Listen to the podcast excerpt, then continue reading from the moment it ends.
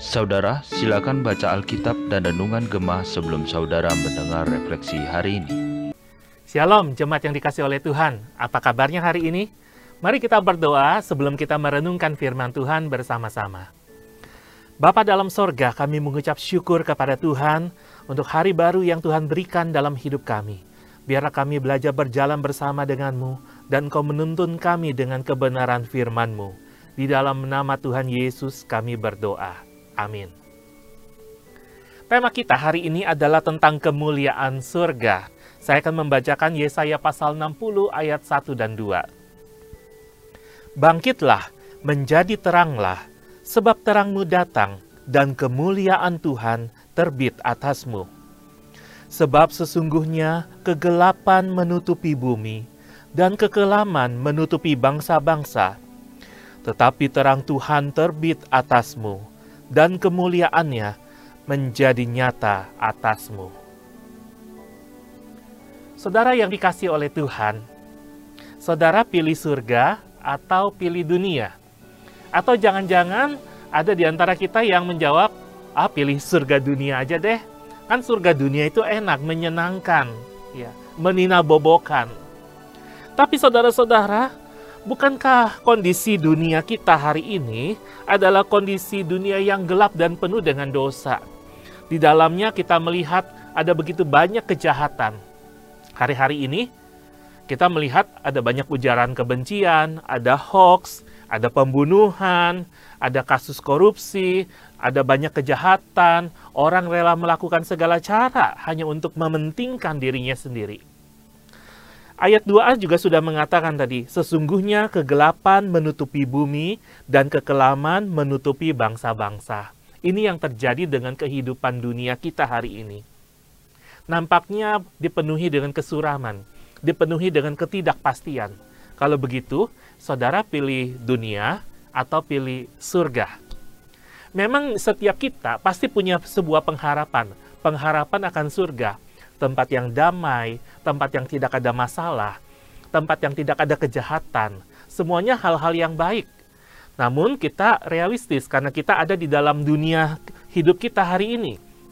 Walaupun ini dunia yang sementara, namun dunia yang sementara ini adalah dunia yang sudah begitu bobrok, dunia yang sudah begitu hancur. Kegelapan menutupi bumi, kekelaman menutupi bangsa-bangsa Bicara tentang kegelapan bukan hanya menyangkut kejahatan, tapi juga mencakup hal-hal buruk yang tidak diharapkan namun terjadi pada orang-orang yang dianggap baik.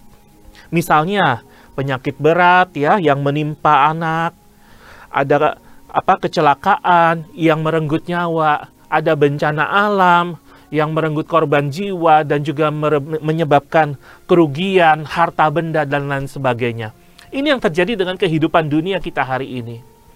Namun, waktu kita membaca Yesaya pasal 60, maka segala hal ini dikontraskan, segala kegelapan dan kekelaman dikontraskan dengan sebuah keadaan di mana akan datang waktunya, terang Tuhan akan terbit dan kemuliaannya menjadi nyata. Yaitu suatu keadaan di mana matahari tidak lagi jadi penerang, karena apa? Karena Tuhan yang akan menjadi penerang abadi bagi umatnya. Kalau kita membaca ya di ayat yang ke-19 bagian B, tetapi Tuhan akan menjadi penerang abadi bagimu dan Allahmu akan menjadi keagunganmu. Ada sebuah damai sejahtera, ada sebuah keadilan yang Tuhan berikan di tengah-tengah situasi yang penuh dengan kegelapan dan kekelaman, terang Tuhan akan bersinar. Ada sebuah kondisi yang berbeda. Bahkan dikatakan hari-hari perkabunganmu akan berakhir. Ini yang akan menjadi sebuah kontras dengan kegelapan dan kekelaman dunia yang terjadi hari ini dengan apa? Dengan sebuah kondisi di mana shalom, damai sejahtera Tuhan hadir, terang Tuhan bersinar. Gak perlu lagi matahari, gak perlu lagi bulan, karena Tuhan yang akan menjadi penerang abadi hari-hari perkabungan akan berlalu. Dengan sebuah kondisi yang disandingkan seperti ini, maka pesannya jelas. Orang-orang yang percaya kepada Tuhan akan mengalami terang dan kemuliaan yang besar. Inilah pengharapan yang dibagikan oleh Yesaya pasal 60 kepada setiap kita juga hari ini. Oleh sebab itu, saudaraku yang dikasih oleh Tuhan, paling tidak ada dua hal.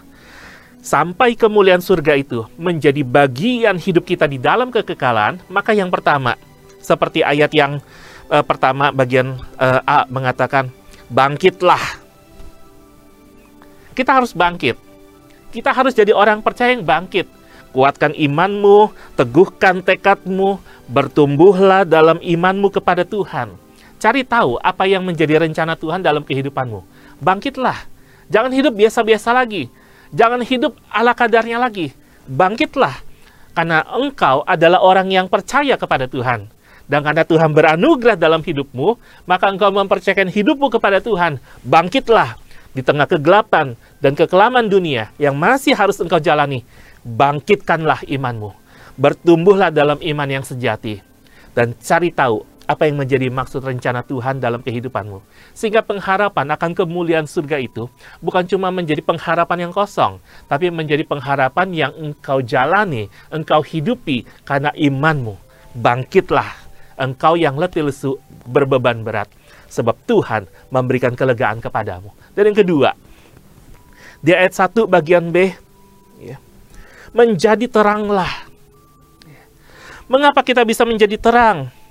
Karena apa? Ada terang Tuhan yang bersinar di dalam hidup kita, yang telah menyinari hati dan pikiran kita yang gelap. Yang dulu hidup kita sama dengan kegelapan dan kekelaman dunia, namun hari ini kita adalah orang-orang percaya yang hidupnya sudah diterangi oleh terang Kristus, yang sudah berkorban di atas kayu salib, mencurahkan tubuh dan darahnya untuk menghapuskan dosa kita, sehingga kita menjadi ciptaan baru yang hidup dalam damai sejahtera dengan Tuhan. Oleh sebab itu, mari kita menjadi terang.